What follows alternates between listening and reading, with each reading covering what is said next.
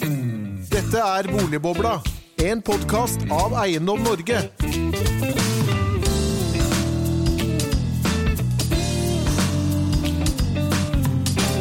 Hjertelig velkommen til en ny episode av Boligbobla, denne gang om nybolig spesial. Hvordan bygge nok og godt. Eh, På kort sikt så betyr renten alt for utviklingen i boligmarkedet, på lang sikt så er det boligtilbudet og boligbyggingen som avgjør. Det siste året har tilbudssiden på, på Østlandet og i Oslo vært spesielt utfordrende, og boligforskyvningen har i enkelte perioder vært eh, svært lav, selv om befolkningen har vokst mye. Hvor står nyboligmarkedet nå, etter et år med sterk oppgang i bruktboligprisen og strenge med smittevernstiltak, spør vi, og hvordan bygge selvfølgelig, da, nok og godt. For å ta oss igjennom dette utmerkede temaet, så har vi fått noen flotte gjester. Eh, Mikkel Røisland, med partner og rådgiver i Røisland Co., en av Eiendom Norges medlemmer, hjertelig velkommen til deg. Tusen takk. Og hjertelig velkommen til deg, administrerende direktør Camilla Krogh i Ferd Eiendom. Tusen hjertelig takk. Og ved min side som alltid så sitter jo du, Henning Lauritzen, hjertelig velkommen til deg. Tusen takk. Eiendom Norge-direktør og sjef for eh, boligprisene, må vi jo si. Sånn er det. Eh, Sånn er det. Eh, vi er jo nå, legger jo nå bak oss snart første halvår 2021, og boligmarkedet, det, det, er jo, det er jo aldri kjedelig i boligmarkedet. Så det har jo vært spennende denne, denne, dette halvåret også. Kan du ikke gi oss en liten, en liten oppdatering hvor vi står nå etter, etter nesten seks måneder ut i 2021? Jo, det kan jeg gjøre, og vi, jo, vi passerte jo mai som, eh, som fikk en prisvekst på hele 1 nominelt. Eh, Det var nok eh, sterkere enn det mange forventet. Oslo litt ned for tredje måned på rad. Oslo fikk jo en knallstart på året, og så har det moderert seg litt. grann. Og eh, vi ligger fortsatt på en veldig høy tolvmånedersvekst i Norge, 11,3% Den eh, skal vi kanskje prate om litt senere, men den, den kommer nok til å tikke litt nedover eh, fremover. Så eh, fortsatt et ganske sterkt boligmarked, men Oslo som da viser litt tegn til å roe seg. At det som har vært den store diskusjonen i, i, boligmarkedet denne, denne våren, det er jo pandemiens virkninger på, på boligetterspørselen. At uh, kanskje folk uh, Hjemmekontor blir noe varig. Uh, folk flytter lenger ut fra byen, de får større fleksibilitet. Og, og det var vel også mange som mente man så i de tallene som nå ble presentert, for det var veldig sterkt i de hva skal du si, omkringliggende småbyene, mindre byene på, på Ja, ja, på, det, på Storøstlandet kan man kanskje kalle det. Tønsberg, som ligger Eh, best an nå, sånn ja, så- siste tolv måneder. Så, så, har, så er det altså Tønsberg ligger oppå på en, en 14-15% på tolvmånedersveksten, og, og vi ligger på ganske høy vekst i, i mange av ja, småbyene, er kanskje feil å kalle dem, men de halvstore byene på Østlandet. Om det skyldes eh, pandemien eller andre forhold, det får vi jo diskutere og se på fremover, men eh, en del mener jo at dette er pandemivirkninger. Men vi, vi satte jo da en prognose på, på 9,5 eh, oppgang i boligprisene i 2021 ved inngangen til året. Det slår vel kanskje ganske bra ut nå, hvis vi ligger på vi, har- vi, vi vi, hadde en prognose på, for Oslo på 9,5% og så hadde vi en nasjonal prognose på 7,5% og den ligger vi bare noen få desimaler unna der vi trodde vi var nå. Men Oslo så ligger vi jo ganske langt unna. Mm. Og, og sånn situasjonen ser ut nå, så ser det ut som vi kommer til å bomme en god del på Oslo. Så Oslo blir, blir svakere enn det både vi og, og mange andre trodde. Det er veldig mye Til- som tyder på det. Til tross for da den, den euforiske eh, oppgangen i, i februar spesielt, som var vel den sterkeste oppgangen i bruktboligprisene i, i, i, i Norge, eller noen måneder noensinne, så vidt jeg kan huske. Ja, jo, den var det, og det men det, det ser ut som Oslo blir svakere enn eh, hva skal jeg si, veld, veldig mange av forståelsesparet har ment. Og så er det jo en renteoppgang som lurer nå i bak, bakhånd. Nå er det jo ganske sannsynlig at uh, september så, så, så blir det renteoppgang. Det, det er jo det, og eh, det er jo da tilsvarende egentlig veldig sannsynlig at vi, vi kommer til å se et langt mer moderat boligmarked fremover, eh, både nasjonalt og, eh, og i Oslo, enn en det vi har sett en periode nå under korona. Men Mikkel, eh, bruktboligprisene, og det henger jo løselig knyttet sammen med det du, du er ekspert på, nyboligmarkedet. Og, eh, og du teller jo da eh, tilbudssiden, eller du måler jo tilbudssiden og, og nyboligsalget her på, på Østlandet bedre enn noen annen, må vi vel kanskje kunne si. eh, og du hadde nå nylig eh, i går en presentasjon for dine, dine kunder om, om, om hvordan markedet utvikler seg. Eh, kan du ikke gi oss en presentasjon for hvordan det ser ut her? Vi hører jo bruktboligmarkedet, det har vel også vært veldig godt i nyboligmarkedet? Mm, ja, det har det jo definitivt vært. Eh, vi i Røiseland Co. måler eh, og følger Oslo-markedet veldig tett. Der måler vi faktisk hver måned eh, hva som blir lagt ut og hva som blir salg, og hva slags type leiligheter som går. Eh, vi følger også tilliggende kommuner rundt Oslo, eh, da kvartalsvis. Og da konsentrerer vi oss om prosjekter som har ti eller flere enheter i seg. Så altså ikke type eplageprosjekter og mindre Riktig. Mm. Så, så, det, og, og, det som er eh, viktig, har vi erfart, det er jo å følge med på varelager og volum mm. uh, og avgang. Uh, og nyboligmarkedet går nok i, ikke helt i takt med bruktmarkedet, uh, fordi at det å kjøpe en ny bolig med levering om to til to og et halvt år, som det tar å bygge, det handler jo om fremtidstro. Skal jeg kjøpe nå og, og satse på at det er Det er for folk som planlegger? Det er for folk som planlegger, rett og slett. Så, så det, det, har en påvirkning på det vi holder på eh, med til daglig. Så, og i Røiseland så selger vi også, vi er ikke bare rådgiver, det er en konsekvens av at vi jobber med prosjekter eh, sammen med utbyggere i, i planleggingsfasen. Så derfor så har vi eh, interesse av å, å, kjenne og dykke ned i alle tallene. Men vi selger en rundt 600-700 boliger i, i, året, og snakker jo med tusenvis av boligkunder. Men det er i Oslo da, 600-700? Så det... Ja, i Oslo og omkringliggende kommuner. Men det må, er jo da en betydelig andel av det totale nyboligsalget på det sentrale Østlandet, kan vi ja, vel kanskje si da? Ja. Det, det er det. Eh, så, så, så, det er bakgrunnen. Eh, så det vi, det vi, har gjort nå, det er at vi har opp, eh, gjort opp status etter første halvår. Da ser vi først på totalmarkedet. Og så ser vi også på det som er Går vi ned, og så ser vi på det som har, det har vært salgsstarter på dette halvåret. Så, så det har vært et betydelig volum, eh, og det er jo ganske Jeg vil nesten bruke ordet utrolig, eh, i forhold til hva vi følte i mars-april For ett år siden. Ja. Eh, det var vel egentlig bare en to måneders periode hvor, hvor det var en avventende holdning. Folk var ja, Altså mars og april i fjor, og så ja. fra mai så ble det bedre. Jeg husker boligprodusentene begynte å ha utropstegn i pressemeldingene sine ja. i den perioden. Og det var jo ikke rart at ikke folk tenkte på, først og fremst på å kjøpe seg en ny bolig i de månedene der. Eh, men grepet med å sette ned renten og, og, og den tryggheten på at, eh, at, myndighetene ønsket å stimulere eh, for at det skulle bli en myk landing i så fall, den mm. gjorde jo fort utslag i, i salget. Det gjorde det. Så, så, det har jo vært et, et, år, som jeg skal komme litt tilbake til, med et, med et veldig bra både tilbud og avgang. Så, så, hva viser de harde, tallene, da? De harde tallene, eh, da, da kan vi begynne med totalmarkedet for nyboliger i Oslo. Eh, så var det når vi gikk inn i året, eh, så var det 941 ledige nyboliger for salg. Fordelt på mange prosjekter. Så ble det lagt ut 1327 nye dette halvåret. Og så ble det solgt totalt sett 1271. Ehm, det vil si at det ble lagt Omtrent ut Omtrent det som ble lagt ut, ble solgt, da. Ja, mm. så, så, det var en god balanse. Varelageret steg da lite grann, eh, så nå er det på 1005 eh, per 15. juni. Ehm, så sett i forhold til samme periode i fjor, eh, hvor det første halvåret i fjor bare ble lagt ut 600, altså mot mm. nå 1300 Men da stoppet jo, altså det var vel ingen som turte å legge ut noe i andre kvartal i fjor? Ja. Så, så var jo varelageret for et år siden var på 1300, i overkant av 1300, da, mot nå 1000. Mm.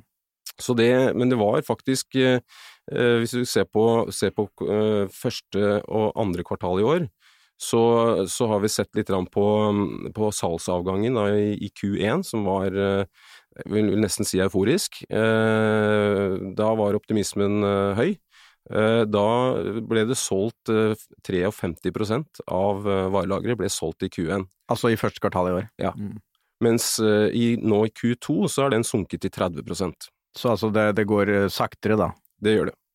Så, så, noe mer tilbakeholdenhet er det, men på en annen side ikke unormalt at når man har hatt en lengre periode med et høyt salg, så tar markedet seg en liten pustepause.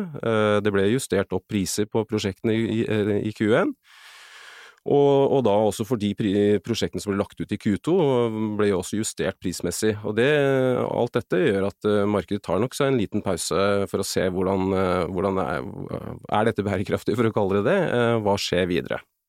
Men øh, vi snakker jo ofte det at altså, salget det er jo ekstremt øh, avgjørende, nyboligsalget, for, for øh, hvor mye som vil bli bygget de neste, neste årene.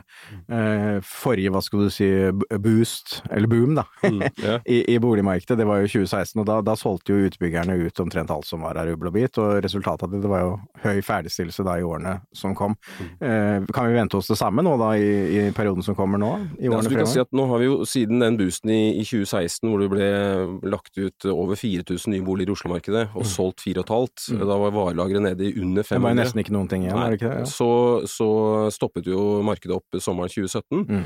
og etter det så har det vært en sånn tre måneders, nei treårsperiode eh, periode hvor det bare har lagt ut rundt eh, ja, mellom 1600 og 1700 nye boliger i Oslo-markedet. Og det, eh, det har jo nå, nå gitt konsekvenser siste år tilbake. At det har blitt tilført færre nye ferdigstilte boliger. Mm. Og det påvirker, Det påvirker prispresset i bruktmarkedet, og også da igjen i nyboligmarkedet. Mm. Mens, eh, mens nå ser vi jo en, en eh, vesentlig bedring eh, på det. Eh, men i forhold til det du spurte om, eh, det var jo altså høsten 2018 og 2019 så ble det ferdigstilt veldig mange. Eh, men allikevel så tok markedet av, eh, det av, eh, fordi det var lagt ut så lite nytt da, i den perioden. Men, men du sa at varelageret var litt større nå enn en tidligere, men er det fortsatt et rush for å få prosjektene på markedet blant utbyggerne, eller begynner det, Det kan å vel roe kanskje utbyggeren her på Camilla Ja, få svare på. Eh, hvordan opplever dere markedet sånn som nå, det står nå, da? Eh, Det er jo fortsatt et veldig godt nyboligmarked. Um, Det gjelder jo de sentrumsnære prosjektene, eh, og også prosjekter som eh, ligger på knutepunkt eh, og i randsonen av Oslo. Så, og etterspørselen er jo fortsatt veldig høy, eh, og tilbudssiden er lav. Så det sier seg jo selv at det er eh, ønske å kjøpe de leilighetene som da er ute på markedet. Så er det jo som kjent tar jo disse reguleringsprosessene og planprosessene lengre og lengre tid. og Eh, Det er fortsatt ønske om å bo i sentrumsnære områder og i Oslo, eh, så om, presset er stort. mm, Ja. på, selv om covid-19 har gitt noen, gjort at noen flytter ut? Ja, det er jo Det har jo alltid vært folk som flytter ut av Oslo når man Mm. får barn, og så er det gjerne at man ser litt utenfor eh, bykjernen. Eh, Men samtidig så er det mener vi, eller i hvert fall representerer såpass få, eh, så det vil ikke gi seg et sånt kjempeutslag. Eh, De aller fortsatt. fleste flytter jo til forstedene i nabokommunene. Ja, og fortsatt ønsker man å bo i sentrumsnære områder. Og jeg tenker òg når, når nå vaksinene rulles ut og ting roer seg litt, eh, og man ser aktiviteten tar seg opp og man restarter byen, så tror jeg det ønsket om å bo sentrumsnært fortsatt er der. Eh, Det, så vi er, så de samme trendene vil være der i 2019, Ja. på en måte. Jeg tror det. Men du, du, du sa jo her at eh, reguleringsprosessene tar, tar lengre tid. Altså Det vi i Eiendom Norge er opptatt av, det, det er jo at boligbyggingen er tilstrekkelig målt mot av befolkningsutviklingen og behovet. Vi har jo en prognose på at det må bygges eh, om, om lag 300 000 boliger i Norge eh, dette tiåret, da, 2020-tallet. Mm. Og nå så jeg jo på boligprodusentenes tall, det tikker vel inn på rundt en 30 000 i hvert fall solgte nyboliger sånn i år cirka, og du sier jo her ca. 33 000 i Oslo. Så det ser ut til å være en viss balanse her, men, men det du sier her er jo det at reguleringstiden i, i prosjekter, da, og det er jo også blitt målt, det var nylig en nyhetssak på det også, at den har faktisk gått opp i, i, i Oslo, og jeg vet ikke andre kommuner også, eller er det det du sier? Ja, det er det faktisk. Men så er det jo også de tomtene som er igjen nå, blir mer og mer komplekse. Hadde flere og flere større avhengigheter som skoler og barnehager og infrastruktur, spesielt i forstedene hvor det også man ser at folk flytter til. Eh, Da tar jo også reguleringen lengre tid, eh, og det gjelder jo også i sentrumsnære områder hvor eh, vi utbyggere ønsker å være og utvikle prosjektene våre. Så der òg er det store avhengigheter. Så man merker jo at det plan- eller reguleringsprosessene blir mer og mer kompliserte. Um, Så selv om man sier at eh, det er vel Kommunen sier jo selv at det er 20 000 eh, regulert, eller at det er det i varelager, men vi mener jo at det, Ja, det altså, utbyggeren har vel sagt noe sånn 67 000 er den reelle reguleringsreserven, ja. i forhold til hva som man får regulert, og, og tiden det nå tar da, for de kompliserte prosjektene. Men, men, dere i Ferd, dere kjøpte jo da i fjor, var det vel, altså et av de siste ja. store eh, utbyggingsområdene skal si, sentralt i Oslo, altså Marienlyst-prosjektet. Det gamle -hmm. NRK, eller NRKs hovedkvarter er det jo fortsatt. nå, har de, nå har de annonsert at de skal kjøpe en annen tomt. De, de ble ikke flyttet til, til Namsos, som Eiendom Norge ønsket, men til, til Ensjø, i hvert fall.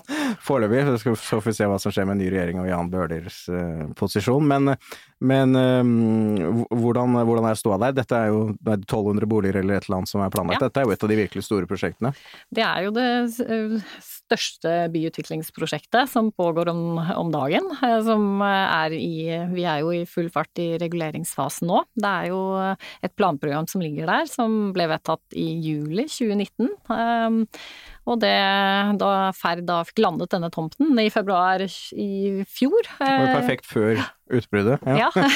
så, så har vi jo da bare jobbet videre med det planforslaget som ligger der. Og så kjenner jo alle til at det er eh, noen hindringer underveis og innspill fra sidelinjen, og det, det har jeg jo full forståelse for, for det er jo viktig for eh, Oslo by og for, for eh, Majorstua. Så at det er mange interessenter og mange ønsker, det må vi jo forvente. Men altså, Nettavisen de skrev jo her sist uke boligkrig på, eller for et par dager siden, boligkrig på NRK-tomten. Eh, og dere har da fått et alternativt flertall eh, mot dere. Hva er det som egentlig har foregått? Nei, det er jo politikerne som ønsker å komme tidligere på banen. Eh, det er jo litt spesielt i Oslo. Der kommer jo ikke politikerne med sine innspill før egentlig reguleringsplanen foreligger. Parlamentarismen, rett og slett? Ja, ja. Så jeg forstår at politikerne ønsker å mene noe før man får et ferdig regulerings prosjekt eh, på bordet og skal vedta eh, ja eller nei. Eh, så det å komme da med noen innspill nå, og da som også er fremmed seks, ja, Det er jo vedtatt også, er det ikke det? Med et flertall? Ja, det er vedtatt at man skal hensynta det fram til, fram til man fremlegger da reguleringsplanen. Eh, ikke vet at man skal hensynta det, faktisk, men man skal eh, se på de alternene som ligger der, da, og gjøre det beste ut av den byutviklingsprosjektet som vi er i gang med.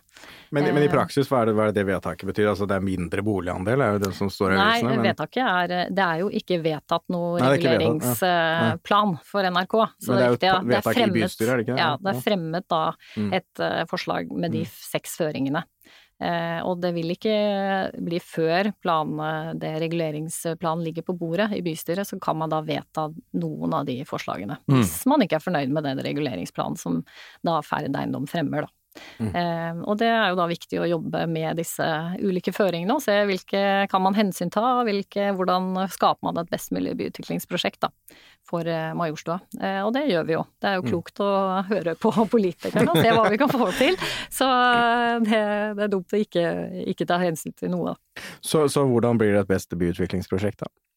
Hvordan beste? Nei, nå er vi jo godt i gang. Vi føler jo at vi er eh, svart opp mange av disse innspillene allerede. Det som de har uttalt seg på, da politikerne, det er det planforslaget som eh, ble bestemt da i 2019.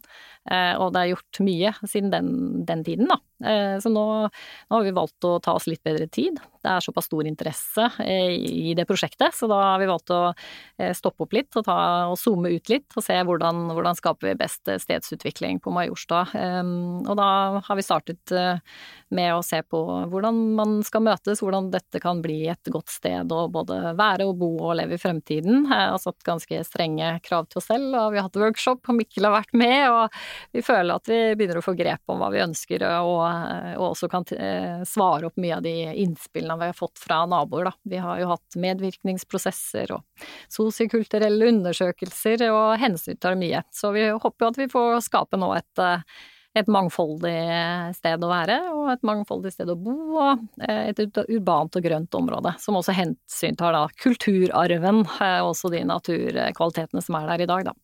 Mm. Men Mikkel, du, du, du, teller jo benchmarket benchmarker også det som da skal komme mm. på tilbudssiden på nyboligmarkedet. Ja. Og, og, hvordan ser det ut da? Vi vet jo det prosjektet her ligger jo kanskje litt lenger fremme i pipelinen enn Ja, eh, altså det er, det er jo veldig mange prosjekter som det jobbes med. Eh, som, eh, som eh, Camilla nevnte nå, så bruk, det tar lang tid. Eh, det er veldig mye arbeid som, eh, som må gjennomføres, eh, og mange som skal eh, si, blidgjøres før, før man kommer til En ting er at du får det ferdig regulert, men eh, når du da går derfra og skal ha en forhåndskonferanse, og det tar fire til seks måneder å få lov til å avklare noen spørsmål med saksbehandler, eh, så er det klart at eh, Og de, når det først er godkjent regulert, så, så er det veldig detaljert. Eh, Så det gjør jo at det blir et press i markedet, spesielt i Oslo. Omkringliggende kommuner er jo langt raskere på avtrekkeren. eh, Og de andre byene også i Og i Norge. De, de har vel reddet Oslo på mange måter når det gjelder prisvekst? De har jo det, Ja. så, så det, det, er en, det er en utfordring. Men, men du kan si at det som, eh, som vi har fått eh, i prognosene fra utbyggerne nå for, eh, for neste halvår, eh, det er en eh, rundt, eh, ja, rundt en eh, 1200 boliger eh, ut, tror vi. At vi vurderer jo de forslagene som, eller de innspillene som kommer Prosjektene, ja, med timing og sånn. med timing osv. Så videre. Eh, så, sånn at det kommer ut en, kanskje en 1200-1300 nye boliger i, i markedet. Eh, så, så det er, eh, men så er det veldig store geografiske forskjeller på Jeg snakker igjen da Oslo Ja, ja. spesielt. Mm. Eh, fordi at det er veldig mye utbyggingsmuligheter eh, Oslo nord. Eh, nå begynner det også å krype godt utenfor, eller nord for Økernkrysset, for å si det Ja. sånn. Altså noe Hovin Altså rett og slett. 3 utenfor det. oppover, Ulven- før du kommer til Gjøvik. Ja, Ulven-Vollebekk eh, den veien der, eh, og det er bra det, men, men når man ser på da Oslo vest, eller Oslo syd for den saks skyld, eh, så er det veldig lite. Eh, så omtrent eh, ingenting. Eh, og det, det, lider jo, det lider jo markedet av. Altså, har du bodd og, i ett område, så vil du helst ikke flytte for langt. Er En del politikere vi, vi snakker med, de skal ikke uten å nevne navn, de, de tror jo det at man bare kan bygge 10 000 boliger på Økeren, så er tilbudssiden cateret. Det er jo ikke sånn det fungerer. Det er jo ikke det. Eh, og det. Og det er jo også en ting som eh, sånn observasjon fra markedet som vi, vi ser veldig tydelig. Det er jo at eh, bor du på, i en, et eh, rekkehus eller en uh, halvpart og tomannsbolig enebolig på Nordstrand, så flytter du helst til seterkrysset eh, i en Mm. leilighet Mm. når du er klar for det. Mm. Eh, du flytter ikke nødvendigvis innenfor Ring 2. Eh, Eller til det, kanskje. det er en annen ja, type eh, målgruppe, for, som vi Mm. kaller det, da, Ja. eh, som gjør det. Eh, den er mye mer eh, differensiert eh, når du begynner å snakke om innenfor Ring 3 Mm. enn en utenfor. Eh, Og sånn sett er jo den knutepunktfortettingen da, rundt omkring i, i byen, og i og for seg i resten av Norge også, veldig vesentlig, for det skaper jo dynamikk i, i bruktboligmarkedet også. Ja. Definitivt. Så, så det, er, det, er, det er en utrolig viktig eh, oppgave som både politikerne og planmyndighetene har. Og det er faktisk å, å fokusere litt på hvor er det vi holder på, hvor er det, hvor er det prosjektene vi jobber med nå eh, for å godkjenne, eh, ligger. Sånn at man kan prøve å balansere dette her eh, på en litt bedre måte enn det vi opplever at det gjøres nå, da. Nei, for vi registrerer at enkelte forståelsesapere, de, de tror jo alt bare selger. Selges i det boligmarkedet. kan i hvert At fall det er en enkel- som eh, enkel sak. selger er avkrefter, for å si det sånn. Ja, ja, det Eh, det er veldig dette, altså det å flytte bopel, kan jo bare enhver tenke seg. Eh, Det er mange ting som, som spiller inn for de enkelte familiene eller enkeltpersonene da. Så, så, eh, men det, det er jo visse trendskifter, da, som hvis du går tilbake i det Jeg husker spesielt helt tilbake igjen til 2004, så begynte unge mennesker å kjøpe nye leiligheter, altså leiligheter på Ensjø i, i nye boligprosjekter. Det hadde ikke Ja, skjedd da var det helt nytt at Da- unge kjøpte helt, helt helt nye boliger. Frem til det så var det bare seniorene som kjøpte nye leiligheter i, i nybyggprosjekter. Mm. Ja, for du har jo holdt på med dette siden Ja, Om ikke tidenes snart, så i hvert fall siden 90-tallet, ja. jeg har holdt på siden, siden 85, faktisk. 85, ja, som megling. Ja. Mm. Så nei, så det, det, det er eh, veldig spennende eh, og, og differensierte markeder. Og det, og det gjelder også innenfor eh, ganske sånn tette kan si Sandvika for eksempel, eller Bærum. da. Store forskjeller der på hvor du ligger i Bærum. Um, På hva slags prosjekt du må tilby markedet. ja. Ja. Mm. Og prisbildet. Mm. Men, men det jeg også bet meg merke i den presentasjonen du hadde, det, det var jo altså fordelingen av det som selges. Ja. Eh, fordi at det, det er jo ikke sånn eh, at det, det bare er veldig dyre boliger som selges, eller Det er toroms, går jo selvfølgelig, Mm. men det er også familieleiligheter. Ja, og det, altså det er bra du spør om, fordi eh, det syns vi er en liksom viktig parameter Og, og, Hvis du tar, eh, fordeler de 1271 leilighetene som er solgt nå første halvår, eh, og så ser vi på hvor mange av de er eh, solgt for under 4 millioner, så er det 17 av markedet.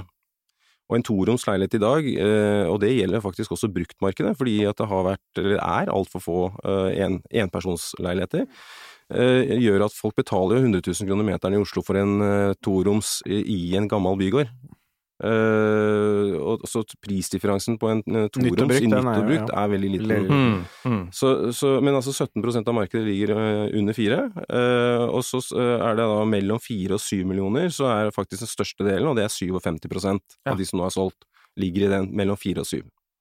Eh, og så har du da mellom 7 og 10 millioner, så er det 22% mens kun 4% av markedet i nybolig solgte leiligheter i Oslo er over 10 millioner. Så det er ikke større i Så det såkalte luksusmarkedet, det er fortsatt forsvinnende lite. Det er ikke stort. Mm. Eh, det er det ikke. Så, og det ser vi også når vi, når vi kommer ut med prosjekter som, som har god, de rette rammebetingelsene, for å kalle det det, da, for den målgruppen, så, så er det veldig populært.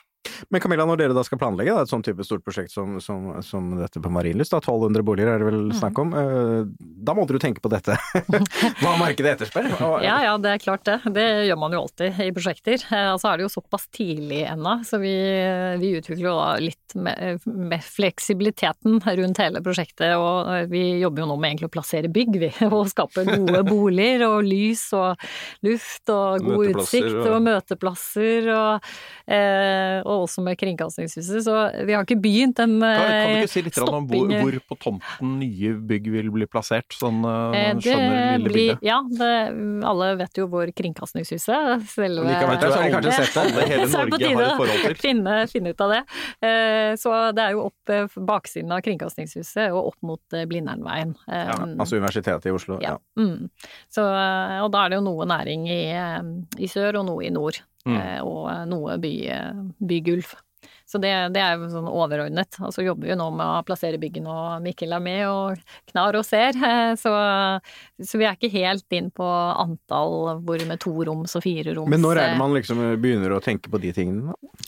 Det kommer etter hvert når vi får eh, plassert byggene. Vi har jo tjuvstartet litt, eh, Mikkel. Absolutt. Ja. Altså, du kan si at det er, selv om ikke vi går så detaljert til verk, så er det noe med å sikte seg inn mot uh, forskjellige typer konsepter. Da. Altså, for det vi opplever er jo at bolig, boligkjøperne er veldig opptatt av uh, variert bomiljø. Uh, at, og det vil si det samme som at vi må tenke variert leilighetsspenn i, i og da må vi også tenke ned på uh, byggetrinn, sånn at vi liksom får en, en bra miks av boliger. bolig. For da får vi også Altså, du kan ikke ha ett byggetrinn med bare toroms, liksom? Du må man kan det, men, men eh, det, er, det er ikke veldig ofte at det skjer. Med mindre du har tenkt til å bare leie ut hele, altså ha én eier og, og drive ren utleie. ja, Sånn som berømte Obos-salget. Kanskje? Ja, for eksempel. så, så, men nei, så det, det er eh, Så det har vi jo med, men det er jo vi er jo ikke der enda. Men vi må ha en, en plan i forhold til å sikte oss inn på de forskjellige ja, Så jobber vi jo, vi planlegger jo i faser, Mm. for det er jo en utvikling som skal skje over mange år. Eh, Og først skal, jo, først skal jo NRK flytte ut, før Mm. vi eh, i det hele tatt får startet opp. Og det Men- er vel Ja. Men det, betyr det at folk er interessert i leilighetsmiksen også, selv om de vet hva de skal ha selv? Altså sånn eh, for øvrig? Det er, ja, det, det er de, absolutt. Eh, og det, det som er blitt, eh, men en annen ting som er blitt veldig tydelig i, i, i markedet, er jo at de er veldig opptatt av hva som skjer i området. Ja. Eh, det er de blitt uh, Det er kommet mye høyere på den Ja, altså at her skal det bygges noe annet, og der skal det bygges det, og Ja, hva som bygges rundt, hvordan blir mitt nærmiljø, og ikke minst hva slags servicetilbud vil, Mm. vil jeg kunne ha rett utenfor døren, lett tilgjengelig. Eh, De som ønsker å bo relativt eh, urbant, de er jo opptatt av å ha en sømløs hverdag, som vi kaller det. da, altså at Ja. de skal få Det blir som den iPhonen. ikke sant? Det skal være en effektiv eh, hverdag. For de har For det første så kjøper de nybygg fordi de er opptatt av kvalitet. Og da skal den jo være som å Og så er de opptatt av kvalitet av tiden sin. ikke sant? Sånn at dette her henger jo veldig tett sammen.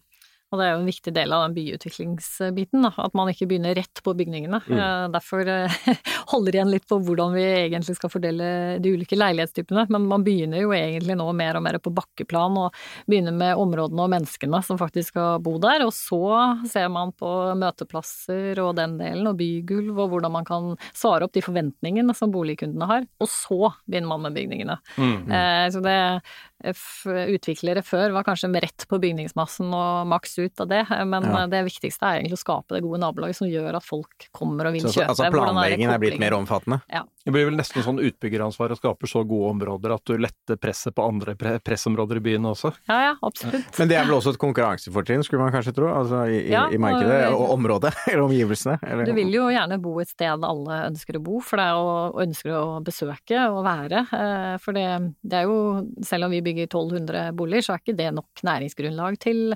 eksempelvis bygulvet og, ja, og og, og den slags Da er du avhengig av at det også kommer og tiltrekker seg mm. mennesker i området rundt, og det ønsker jo at vi skaper et mangfoldig liv, og det syns jo folk som bor og skal flytte et sted er spennende og gøy. Eh, at det ikke er dødt når, når, på kveldstid. Eh, så det er en viktig del av hele byutviklingen. Mm. Så... Dødt, men bare ikke badestrand ved ja. siden av. det blir ikke noen badestrand på Majorstua. I hvert fall. men at det kanskje blir noe, noe, åpning av bekker, det kan fort være. Ja, er det noen bekker der altså, som ligger i kulverter? Frognerbekken kanskje? Nei, den går vel baki der? Nei da, det er vel eh, dessverre så forurenset, men man får jo lage noen eh, fordrøyning og det er mye som skal løses. Ja, riktig, så det skal bli sikkert noe synlig vann i hvert fall. men vi i Eiendom Norge vi har jo vært opptatt av denne leilighetsnormen for å komme tilbake til det med leilighetsfordelingen og miksen og, og, sånne ting. Og vi fikk jo da inspirert et, et, et forslag i bystyret fra Fremskrittspartiet som, som, ble behandlet her i Oslo om, om å oppheve leilighetsnormen. Um, det, det, fikk jo ikke flertall, selvfølgelig, men det ble jo en ganske, egentlig en ganske konstruktiv debatt i, i bystyret her i, i, Oslo, for det var et par, par tre uker siden, eh, etter mitt syn. Men uh, hvordan er det egentlig dette foregår i praksis, da, den leilighetsnormen, når det kommer til, til saksbehandling? Altså det lurer kanskje lytterne litt på? Ja. Uh, ja, nå sitter ikke jeg Det er arkitektene som vet bedre enn en ja. meg. Jeg sitter ikke i første rekke Men det er jo det som avgjør denne miksen, da. Men, men vi forholder oss til eh, det mm. som, det som holdt på å si, blir bestemt sånn sett. Og det, det er klart at uh, den leilighetsnormen som var tidligere på at kun 20% av nye boliger kunne være toroms, som ble innført i 2007, mm. det var jo det som var helt krise. Mm. Uh, det har hjulpet på de høye bruktboligprisene? Det er, ikke sant, så, så, prisene bare har jo ekskalert, eller etter det, mm. uh, noe helt uh, ja, unødvendig mye, da, for mm. å være diplomatisk i uttalelsen. Mm. Jeg blir helt enig i det, så det bør ikke være diplomatisk der. Nei, men, men, nå med 35 i, da i utgangspunktet i, i sentrumsbydelene, mm. syns ikke vi, i hvert fall fra vår side, markedsside, er noe Det er ikke helt gærent det, men noen steder så passer det ikke. Noen steder så, så, så, passer det å bygge flere toroms, mens uh, i andre tilfeller igjen, når det blir mer grønt rundt, så passer det å, å, å bygge flere store. Mm. Sånn som uh, vi holder på nå, er også involvert i et prosjekt i det kvartalet vi sitter i nå, faktisk, i Pilsredet. Um, For her skal det bli konvertert? Ja, her skal KLP ha fått godkjent regulert et primært boligprosjekt med 160-70 leiligheter. Så nå sitter vi akkurat eh, basert på reguleringen, som var veldig detaljert, men allikevel så sitter vi nå knar uh, på å prøve å optimalisere da uh, leilighetstyper. Kanskje ikke de største leilighetene nederst hvor det er mindre lys. prøve å flytte de opp. legge torommere på en annen, annen, del av bygget, som, som osv. Tilpasse det til de forskjellige målgruppene. da for å optimalisere. Nei, for Det som jeg syns var positivt, som kom ut av den debatten i bystyret, det var nettopp det at det er en norm. Det er jo ikke en regel. Den er normgivende. Den skal jo bare være veiledende. Mm. Uh, og det har den vel kanskje ikke alltid vært. Nei, vi, det, men da kan jeg bare uttale meg sånn, sånn ja. på, på, hva jeg har følelse av, og det, det stemmer jo det. At den, eh, den, har blitt lagt til grunn i langt større geografisk eh, område enn akkurat de De indre bydelene som du var med før. Ja, ja, mm. det har det. Men eh, jeg har jo også vært borti prosjekter hvor, som ligger veldig sentralt, som, hvor faktisk en gammel regulering tillot å bygge 70% toroms, men vi valgte jo ikke det. Altså, vi, mm. for vi mente at det, for det, det, det er en områdeutvikling, da. Så, så ville ikke det være bra for bomiljøet og heller ikke for salget for de neste salgstrinnene. Mm, sånn fordi de er opptatt av det som er rundt? Ja. Og og, det, og det, er jo kanskje det som jeg hadde håpet at det skulle være større tillit da, mellom eh, planmyndigheter og politikere og, og oss som eh, representerer markedet, utbyggerne. Eh, at utbyggerne vil jo faktisk ha et godt prosjekt som markedet tar godt imot. For det er stor risiko for dem. Eh, så, så ja, man har eh, gode intensjoner for å lage god boligmiks og, og, og, sammensatte bomiljøer, da. Men det hadde vel kanskje vært bedre med større tillit enn flere regler, Camilla? Ja, nå syns jeg at vi har eh, Nå får jeg bare vise til Majorstua og, og den utviklingen som skal skje der. Eh, vi har en veldig god dialog med plan og bygg, vi altså. Eh, og det er jo å vise at man faktisk svarer opp det, det vi sier, da. Og skape en tillit og troverdighet. Det er jo alltid viktig. Og da tror jeg også at det er mulig å begrunne hvorfor man velger det ene framfor det andre, og hvordan miksen bør se ut, da. Med begrunnelse i hvordan området blir best mulig for, for byen, da. Så det handler jo om å argumentere godt, og også skape den tilliten og åpenheten underveis i prosessen. Det tror jeg er kjempeviktig, og det tillater man jo mer og mer. Mm. Så um... Men vi var jo så vidt innom konvertering her, da. Dere, dere i Ferd Eiendom har vel også næringseiendom, kanskje? Ja, det har vi. Eh, blir det mer eh, konvertering og endrede planer for, for, hva skal si, næringsbyggene? Det er jo noen som sier det. Det så vi også i hva skal si, den forrige oppgangen i 2016. Så har jo det en tendens til at altså flere næringsbygg blir konvertert til mm. bolig. Vil det skje det samme nå? Ja, det tror jeg man kan se, men eh, nå har jo vi kjøpt eh, typisk næringseiendom med ja. kontor, vi da. Ja, Marienlyst er jo ja. næringseiendom, selvfølgelig. Så, Dumt spørsmål. og Trekanttomten er jo også kontor. Ja, Trekanttomten på Aker Brygge. Ja. ja. Mm. Mm. Og eh, Heriomnors Heyerdahls gate ved siden av rådhuset, der får vi i hvert fall ikke lov til å Der blir det vel ikke bolig. Så, så da er egentlig det er ganske satt, så da utvikler vi kontorer. Men Trekanttomten, det, blir det boliger, er det det du sier? Nei, det, Nei, det blir, kontorer. kontorer mm. så, de, så, dere har ikke noe vedbare planer, dere? Mest sannsynlig. Vi utvikler jo den tomten nå, vi har så vidt startet. Ble, mm. og transaksjonen ble lukket i av Statsbygg, var det ikke? Ja. ja mm. mm. Statsbygg Oslo kommune. Så mm. transaksjonen ble lukket i desember eh, i fjor. Og det er jo en gammel reguleringsplan der, og der ligger det noen boliger. Eh, så vi må jobbe videre og se hva som er optimalt å bygge der, da. Eh, det er faktisk regulert inn boliger i de to øverste etasjene i mm. den gamle reguleringsplanen. Så får vi se. Mm. Men, men, hjemmekontor, det kan jo kanskje være altså en, en lykke for nyboligmarkedet? Eh, eh, ja, ikke i så stor grad eh, som, som, man skulle kanskje tro, altså, hvis man tenker at det bygges mest eh, ved knutepunkt, eh, knutepunkter. Da. Mm. Eh, så vi opplever vel at det er flere som nå av de unge barnefamilieetablererne har trukket ut i, i omkringliggende kommuner fordi de ser at de kan få uken til å gå opp med en eller to dager hjemmekontor. Mm. Uh, det ser du jo på bruktboligprisene eh, på, på, på eneboliger, har jo gått skutt i været siste året. Definitivt. Uh, så, men det er på ingen måte noe konkurrent eller noe fare for, for nybolig eller nye leiligheter. Vi ser jo at det er veldig mange som ønsker å bo urbant og, og sentralt, men de setter bare litt større krav til at det er litt grønnere uteområder, bedre tilrettelagt. Vi har jo et prosjekt for Skanska på, på Løren som heter Borgen, hvor vi har gått sånn veldig tydelig ut eh, med et eh, familiekonsept. Eh, det er lekerom med klatrevegg, og det er som kan brukes som selskapslokale. Ja, på Løren da kryr det barnefamilier? Det gjør det. Og, og de, så det er, det er stort behov for, for, den type prosjekter, eller boligtilbud, da. Og vi ser jo det selges faktisk i antall flere fireroms enn det selges toroms. Sånn at ja, så man skal ikke være redd for at, at, man må hva skal vi si, tvinge utbyggere til å bygge eh, for en spesiell målgruppe. Eh, det, det styrer markedet ganske godt, syns jeg, da. Viser jo våre tall at det er en veldig god balanse i det. Mm. Så Hvordan ser det ut med eierform på det som bygges? Ja, det er jo også en, var jo en interessant observasjon uh, som vi jo gjorde nå, som, som viser at uh, av de av de prosjektene som er lagt ut uh, nå et, dette halvåret her, av de 30 salgsstartene, så var 22 uh, av borettslag. Og bare åtte var uh, eier- eller selvleieleiligheter. Hva, hva slags forklaring kan noe sånn ha? For dette er jo litt uvanlig hvis man ser stort på det.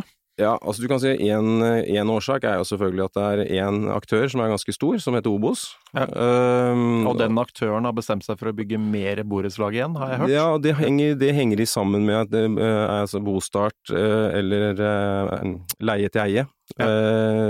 Da er den, den eierformen tilrettelegger for en sånn delfinansiering av et kjøp over tid, da. Mm. Eh, så det er nok en av eh, årsakene. Eh, så er det også en annen Det kan også være andre jeg si, aspekter av det. USBL har vært ute med noen prosjekter nå dette halvåret. eh, Og også private eh, utbyggere har vært ute med borettslag. Så det kan være såkalte sammensetningseffekter her, altså at det er flere borettslag nå, men det ikke nødvendigvis kommer til å bli det Neste si- halvår. Neste halvår. Nei, det, det, det, vi, tror ikke det, men jeg tror allikevel på en økning i forhold til det at man eh, må ha noen mekanismer for å få unge mennesker inn i boligmarkedet. Og det blir jo billigere når du slipper dokumentavgift og ja, er nybolig Prisen uansett, er men ikke ja. så veldig Ikke? Nei. Det, er, eh, det er ikke noe særlig forskjell på. Mm. Så, men det er, eh, vi ser at det er litt lavere salgsgrad eh, på, på, i, i starten av salg av borettslag. eh, Får ikke inn er- investorer. Ja, du får ikke de, de, Altså den målgruppen som investor uh, går helst etter selveier, for da har de større fleksibilitet til å eventuelt, hvis de ikke vil selge leiligheten når bygget står ferdig, så kan de leie den ut hvis markedet har Mm. gått ned i mellomtiden, f.eks. Mm. Så det gjør at uh, borettslagene kommer litt treigere i gang, uh, men det jevner seg ut etter hvert som vi kommer lenger ut i salgsprosessen, da. Mm. Så, så det er eh, Men allikevel ganske Vi ble ganske overrasket når vi så, så den fordelingen denne gangen. Mhm. Fantastisk.